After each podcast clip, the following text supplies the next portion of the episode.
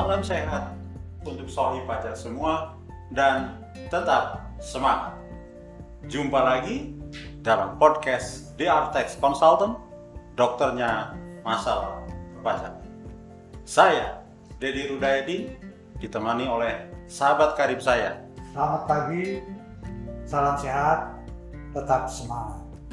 Masalah pajak adalah masalah kita semua dan podcast ini berupaya untuk membuka wawasan atas permasalahan perpajakan dan mencoba memberikan alternatif solusi dan pemecahan masalah.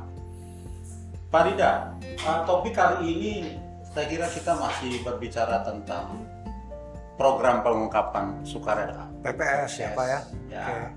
Karena kelihatannya di lapangan itu banyak permasalahan-permasalahan yang memang harus kita bahas secara Ya, lebih ya. Ya. Betul. Saya pikir kita coba langsung aja masuk kepada permasalahan yang pertama menyangkut harta Hmm. yang berasal dari periode 1 Januari 1985 Ya. sampai dengan 31 Desember 2015. Oke. Nah ini harta ini kan bisa macam-macam nih. Ya. Ada cerita Berarti tentang teks amnesti pertama dulu ya. Ya. Teks amnesti lah. yang istilahnya amnesti lah, ya kan Ya. gitu ya. Ada kas tunai, artinya fresh money. Iya, yang dimiliki masih sampai Ya. saat ini. betul. Uh, dan kemudian bisa juga nanti kas tunai itu dulu dimiliki pada Ah. periode 1 Januari Ya. 85 sampai dengan 2015 itu dan kemudian di 2016 dan seterusnya itu berubah Menjadi, menjadi bentuk harta yang lain Oke. kan gitu ya Ya. atau bisa juga saya punya simpanan di bank kan gitu ya. ya simpanan di bank yang berasal dari udah sampai dimiliki sampai Ya. saat ini dan sama mungkin juga simpanan bank itu dulu masih dimiliki Betul. tetapi kemudian di periode 12 2016 ke sini sudah beralih dalam bentuk harta yang lain Betul. dan kemudian yang berikutnya adalah harta dalam bentuk warisan ini kelihatannya perlu ada apa ya eh, diskusi yang lebih Iya, lebih detail banyak pertanyaan Banyak pertanyaan di- di masyarakat ini. mengenai masalah itu betul Pak Nah kita bicara sekarang fresh money nih, Iya. Farida. Yang Iya. betul-betul sebetulnya ada masyarakat, ada sohib pajak yang memang memiliki uang sejak dari dulu. iya betul Nah terus ini mau dilaporkan. Ya. Padahal kan gini kalau fresh money uang ada di rumah atau di Iya. banker atau Iya. apa pun juga kan kan Boleh-boleh pembukti- aja boleh, ya. boleh aja. Cuman masalahnya kan terus kemudian dokumentasinya gimana? iya betul Buktinya betul, seperti- betul, betul Pak betul nah terus Pak. saya mau laporkan di mana? Apakah di periode kebijakan satu yang notabene adalah di 1 Januari 85 sampai betul 2015 atau kan karena nggak kelihatan ada bukti Betul, atau betul. dilaporkan di kebijakan Betul, dua di betul, periode betul, 2016. betul Nah ini gimana nih Pak? ya Ida? ya memang nih banyak sih Pak pertanyaan-pertanyaan orang-orang bingung kalau memang saya benar-benar nih Pak benar-benar itu yang saya eh, peroleh itu di tahun 2015 ke bawah sampai dengan tahun 2000 eh 1985 kalau benar-benar memang dimiliki pada saat 2015 sampai ke bawah sampai 85 turun ke bawah. Kalau benar dimiliki nih Pak ya saya bagi dua berarti. Kalau benar-benar dia peroleh di tahun eh, waktu itu dan sudah ikut teks amnesti tapi waktu itu ya saya berpikir positif lah Pak. Lupa dilaporkan Hmm. kelewat dilaporkan Hmm. bukan diumpetin kelewat Hmm. dilaporkan Hmm. Nah, termasuk tadi uang tunai kan Pak. Iya. Jadi bagi dua masih dimiliki tadi seperti Hmm. Bapak bilang atau sudah berubah Hmm. kan gitu Pak ya. Hmm. Tapi yakin ini adalah perolehan di tahun 2015 ke bawah. Uang tunai sekarang Pak. Uang tunai kalau masih dimiliki sampai sekarang memang perolehan 2015 Nah sekarang buktikan itu pembuktian masalah pembuktian tinggal Hmm. pak masalah pembuktian gimana sih pembuktiannya untuk kalau benar-benar itu dimiliki di tahun 2015 ke bawah ya salah satunya mungkin mungkin SPT-nya waktu itu penghasilannya besar, cuman hartanya waktu itu kecil gitulah Pak. Mungkin dari penghasilan yang besar sudah dilaporkan di SPT, tapi belum dilaporkan. Kalau memang nggak ada bukti-bukti itu, sulitlah kita me, eh, apa namanya membuktikan itu, kan gitu Pak ya.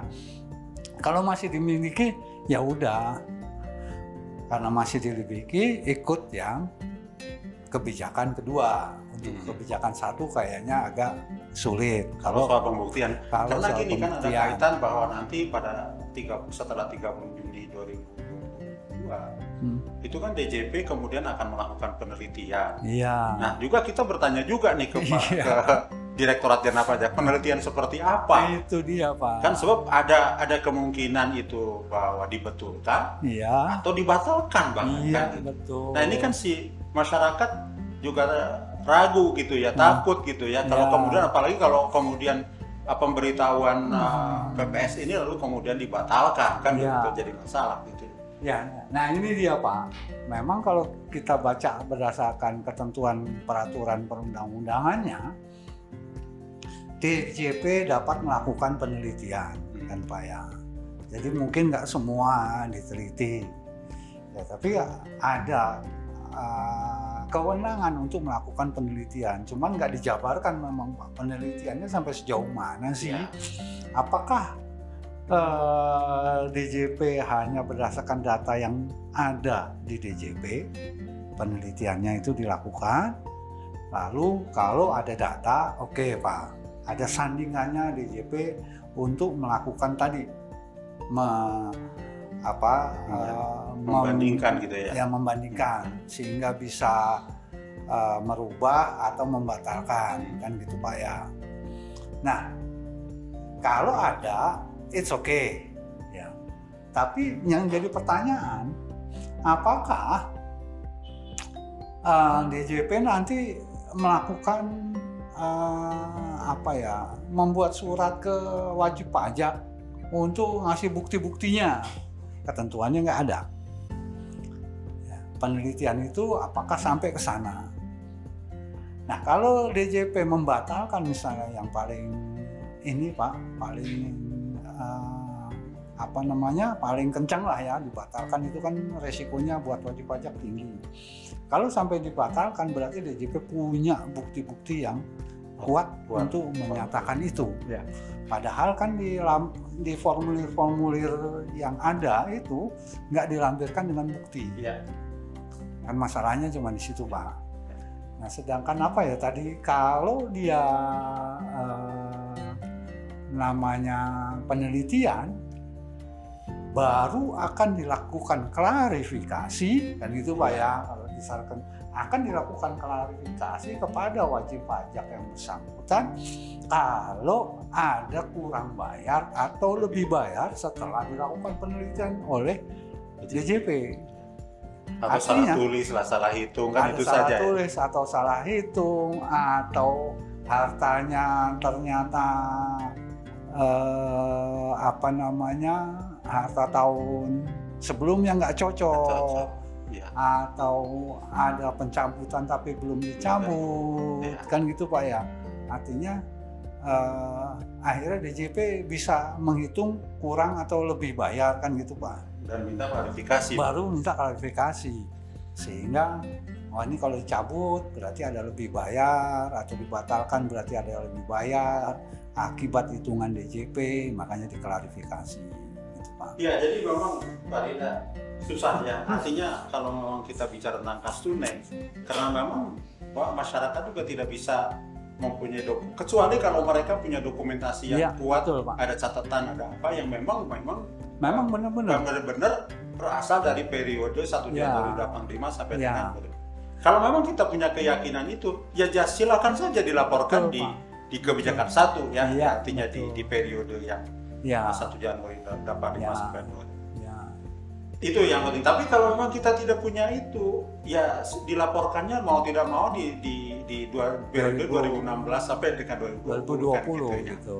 kira-kira seperti itu Ya. kalau kita punya fresh money Ya, kasus berikutnya adalah kalau kita punya fresh money di periode 1 Januari dari 85 sampai 2015 tapi kemudian sudah berubah Bentuk. bentuk hartanya misalnya dalam bentuk harta lain ya Ya. rumah lah Ya, atau saham lah atau Ya, apa pun juga ya, kan. ya. yang memang ini sama-sama belum dilaporkan kan ya, gitu ya ya. lalu gimana tuh cara melaporkannya Pak Rida kan kalau dua kali melaporkan tidak mungkin loh Ya. dulu gitu Ya. ikut kebijakan satu di uh, Prasmani ya dua kali lapor betul, kan betul. sementara juga hartanya dilaporkan di, Betul. di kebijakan kedua kan Betul, menjadi tidak betul. fair nah terus Ya. gimana tuh kita kan eh, kalau saya pak kita eh, berdasarkan peraturan perundang-undangan ada hak-hak dari wajib pajak kan gitu pak ya diberikanlah hak di situ kalau dia memang itu harta yang dimiliki adalah memang berasal dari tahun 2015 ke bawah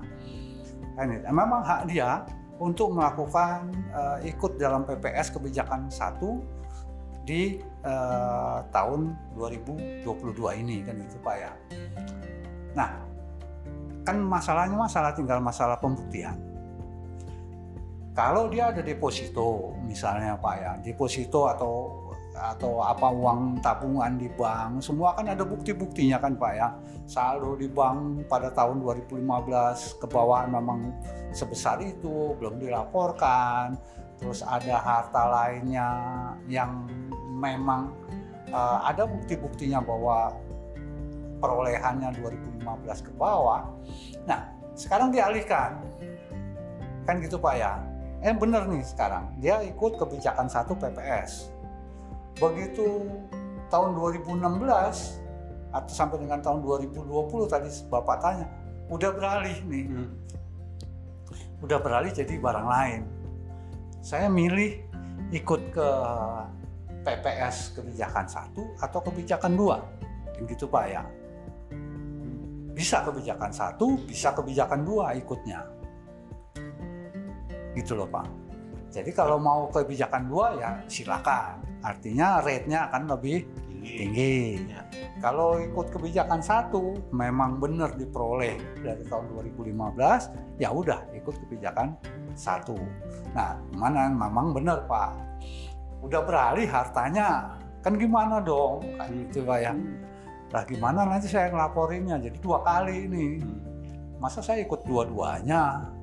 Karena belum dilaporin juga di 2016 sampai dengan 2020 hartanya udah beralih. Misalnya sambil contoh saya punya deposito 2015 eh belum ikut di dalam teks amnesti ya sekarang saya beli harta itu di 2016 deposito beralih menjadi rumah misalnya gitu Pak di 2016 misalnya begitu atau 2017 berubah sudah uang itu nah kalau udah berubah begitu kalau saya melihatnya haknya Pak haknya ya memang hak adalah di kewajiban ada di tahun 2015 ke bawah. Dia harusnya ikut kebijakan satu. Kalau dulu dia pernah ikut Kalau- amnesti kalau kan? dia pernah ikut teks amnesti. jadi dia bisa ngelaporin Bisa di ngelaporin ikut kebijakan satu. Dengan catatan PPS. bukti pendukungnya kuat ya bahwa dengan catatan nah sekarang kalau sudah cerita hartanya gimana? Nah, rumahnya itu? sekarang rumahnya di 2016 sampai 2020 Ah, nggak ada aturannya pak. Dia nggak bisa memperbaiki kan? Karena dia sudah ikut PPS sehingga nggak bisa memperbaiki 2016 sampai dengan 2020 gitu pak. Cuman pak begitu dia ikut PPS untuk kebijakan satu nanti di formnya kan ada pak deposito misalnya 10 miliar. Hmm, deposito atau uang tunai tadi cash yang penting ada buktinya ya hmm. eh, sobat pajak semuanya, sohib pajak. Kalau ada buktinya semuanya, ya Pak, terus masuk kebijakan satu, nanti di form yang kita isi kebijakan satu itu baru akan muncul di SPT eh, tahun 2022 kan gitu Pak ya muncul nih di SPT 2022 berupa cash tadi tunai deposito. atau deposito.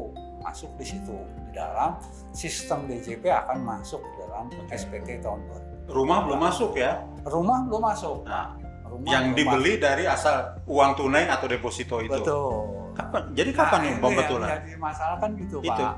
Yang jadi masalah terus gimana dong? Iya. Saya apakah saya harus ikut nih yang, Yang PPS keduanya? kedua? Loh double nanti pak. Ah, ah. yang harta itu masuk PPS kedua juga masuk. Ah. kan gitu pak.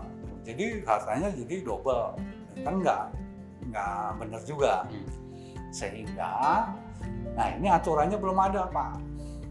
Aturannya memang belum ada memang saya juga eh, mungkin masukan buat teman-teman di DJP Hmm. tapi kelihatannya DJP juga ada mikirin itu pak nah kalau bisa nanti tahun 2023 Ada pembetulan. ada pembetulan atau ada perubahan harta. Yang penting di dalam SPT itu jumlah hartanya tetap sama. Misalnya tadi saya punya 10 miliar, saya beliin rumah sebesar 10 miliar, ya udah hartanya berubah jadi eh, rumah tadi. Tapi Ya, di terus. tahun 2023 nanti, ya nggak tahu nanti DJP kayak gimana aturan mainnya Pak. Jadi kalau kalau misalnya saya punya duit 10 miliar, Mm-mm. lalu dilaporkan di kebijakan satu angka 10 miliar. Oke. Dan kemudian 2016 saya beli rumah 8 miliar Iya, betul. misalnya ya. Betul. Jadi nanti asumsi nih pendapat pendapat kita lah gitu ya. Jadi SPT 2023 nanti Ya. akan ada pembetulan Nah, bahwa uang Uang. uang tunainya 10 miliar itu tidak jadi tidak tidak 10 miliar ya. tapi tinggal 2 miliar Tidak. karena 8 miliar sudah dalam bentuk Betul. rumah harta rumah kan gitu ya kira-kira bahkan udah nggak ada lagi 2 miliarnya Pak. oh ya Kurang udah ada udah berkurang lah karena Karena dibelikan apa lagi dibelikan apa untuk keperluan sehari-hari Ya, atau apa gitu Pak ya. Bisa jadi gitu Pak. bisa jadi begitu ya Ya, tapi ada apa perubahan. jumlah total itu tidak akan lebih besar ya, daripada betul, apa ya akan nambahan itulah. tidak akan nambah oke oke mungkin make sense sih Nah, make sense ya, mudah-mudahan Pak Mudah-mudahan seperti itu ya.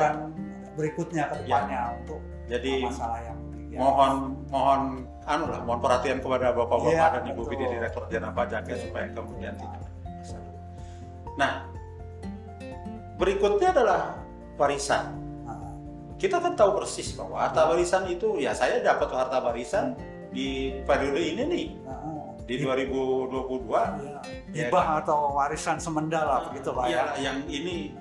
Kan itu kan bukan objek. Iya. terus saya ikut PPS Nah. misalnya. Iya. padahal dikatakan di sini bahwa yang ikut PPS Iya. tidak boleh melakukan pembetulan Betul. Ya, ataupun kalau membetulkan melakukan pembetulan terhadap ini dan diberlakukan undang sejak diberlakukan undang dianggap dia tidak tidak di ini kan tidak ya kan gitu Ya. kan gitu tidak tidak Ya. dibetulkan kan gitu. Iya. Nah ini gimana Pak? kalau saya misalnya Pak eh, perolehan hartanya eh, warisan atau eh, hibah itu terjadi pada tahun 2016 sampai dengan tahun 2020. 2020 Pak, gitu ya Hmm. atau bisa juga 2015 ke bawah Hmm. berbentuk warisan. Karena pada prinsipnya warisan adalah harta yang atau hibah adalah harta yang tidak uh, bukan objek pajak kan itu pak ya sehingga uh, tidak kena pajak kalau itu dilaporkan. Nah kalau belum juga dan ikut kebijakan di PPS ini maupun kebijakan satu atau kebijakan dua warisan itu harusnya dilaporkannya nanti di tahun 2023 lagi. mestinya mestinya pak Mestinya. dengan perolehan program PPS kan. karena ikut program PPS Kecuali Nah. kalau dia tidak ikut program nah itu ada lagi wah ya kalau dia nggak ikut program sama sekali ya Nah. udah nggak ada masalah kebetulan. 2016 2020 betulin aja betulin aja ya, nggak ada masalah ya. nggak ada masalah Karena memang yang tidak diakui pembetulan itu kalau dia ikut kalau program. dia ikut program PPS. ya. Oke, Pak Rida, saya kira mudah-mudahan ini lebih lebih memberikan penjelasan ya kepada soal-soal pajak. Dan ada pertanyaan terakhir nih Pak Rida. Nah, nah. Kalau dulu saya tidak ikut tax amnesty 2016, ya kan? iya Dulu kan, kan ini kayaknya buntu nih kita, iya kan nggak bisa. betul Terus boleh nggak? Nah itu dia. Kalau dia kan prinsipnya ke, untuk kebijakan kedua boleh.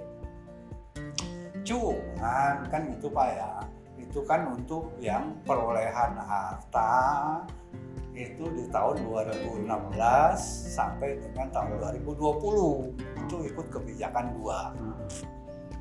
Nah kalau memang dia beli barang di Periode itu. periode itu it's okay ikut PPS kebijakan dua kan gitu ya kalau dia beli barang. Tapi kalau dia perolehan barang ya ya kalau misalnya perolehan hartanya itu di tahun 2005 sebetulnya saya yakin bahwa saya perolehan saya 2015 ke bawah kan gitu Pak ya yang seharusnya berdasarkan undang-undang harta itu udah nggak ada masalah. Artinya sudah tidak diperlu dikenakan pajak lagi. Karena pembelian 2015 ke bawah berdasarkan undang-undang teks amnesti memang sudah terlampaui batas bahwa DJP eh, tidak menemukan. menemukan dan gitu ya sudah melampaui batas 2015 ke bawah. Nah kalau 2015 ke bawah saya yakin, tapi sudah saya beliin harta di 2016 sampai 2020, ya aja. sudahlah ikut aja uh, kebijakan kedua PPS. Karena pada dasarnya memang perolehannya dulu belum dipajaki. Jadi kalau saya sih ya memang ada hak pemerintah lah di situ ya udah laporkan di 2000 PPS kebijakan dua kan gitu. Tapi, Tapi kalau kalau perolehannya 2016 sampai dengan 2020 Pak.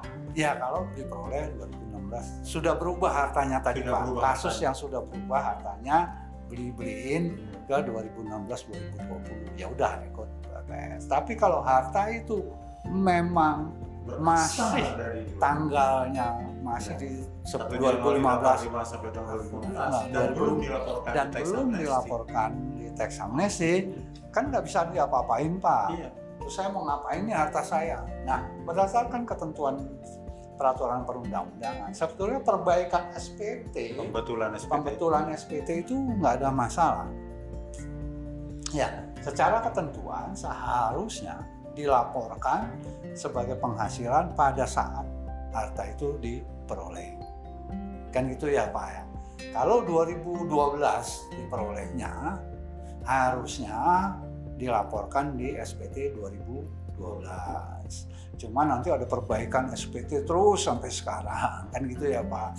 Hanya merubah nilai hartanya. Tapi bayar seperti ketentuan biasa Jadi artinya tidak ikut Ada program kurang. ini dong. nggak ikut ikut program Jadi ini tarifnya tarif normal ya. tarifnya tarif normal pembetulan SPT 2000 Pembetulan ya mekanismenya pembetulan. mekanismenya pembetulan karena DJP tidak melarang Pak untuk melakukan pembetulan ke tahun-tahun ke belakang Kalau memang dia kurang bayar. kalau mereka kurang bayar. Kalau lebih bayar kan kalau lebih bayar atau rugi ada Lebih batasannya. ada batasnya. tapi kalau kurang bayar kapan, Kapan aja, dibetulin, silakan aja betulin. silakan aja nggak ada masalah gitu pak.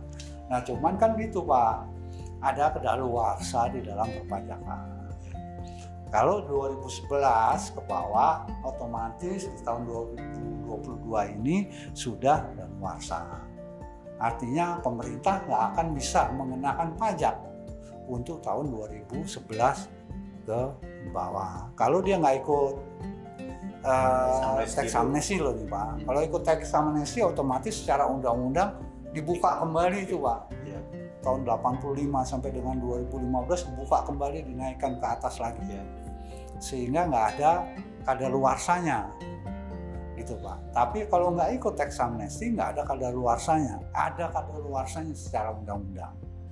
Cuman masalahnya adalah kalaupun tetap ada kedaluarsa, nah saya sudah punya rumah, tapi suatu saat akan dijual kan juga jadi masalah juga. Ya memang pak. Memang itu yang jadi jadi, problem. Jadi walaupun kita sudah kedaluarsa dulu ya, Nah. katakanlah saya punya harta, punya rumah lah, Nah, berasal dari 2011. nah, Sampai sekarang masih punya, Betul. terus mau dijual. ya jual aja pak. Tapi kan Nanti kena final final aja. Oh, kalau ke rumah Cuman ya, atas ya. cuman atas penghasilannya dulu memperoleh itu ada penghasilannya belum dilaporkan udah bebas udah bebas. udah bebas udah nggak masalah jadi atas penghasilannya sudah daluarsa sehingga kalaupun dijual dapat uang uangnya bisa dilaporkan di dalam SPT mestinya begitu Pak. Oke, Pak Rida. Hmm. Saya kira mudah-mudahan apa yang kita diskusikan pada ya hari ini bisa memberikan tambahan kejelasan kepada para soal pajak dan eh, eh, nanti kita coba akan eh, diskusikan lagi Ya. untuk hal-hal yang lain yang memang masih ada kaitannya dengan program pengungkapan supaya ini dan eh, apabila Pak Sohi Pajak eh, apa ini menyampaikan masalah-masalah yang memang di luar daripada yang kita bahas, silahkan eh, tulis saja Tulis saja. kepada kita untuk eh, masukan dan eh, Ya. saran untuk kita sehingga kita bisa lanjut. Ya. Saya kira hari ini cukupkan dulu Pak Ida Ya, betul. supaya kita lebih apa Ya. ya, lebih khusus, lebih lebih spesifik kita bicaranya. Uh, terima kasih atas uh, atensi dan saya sampaikan tetap semangat.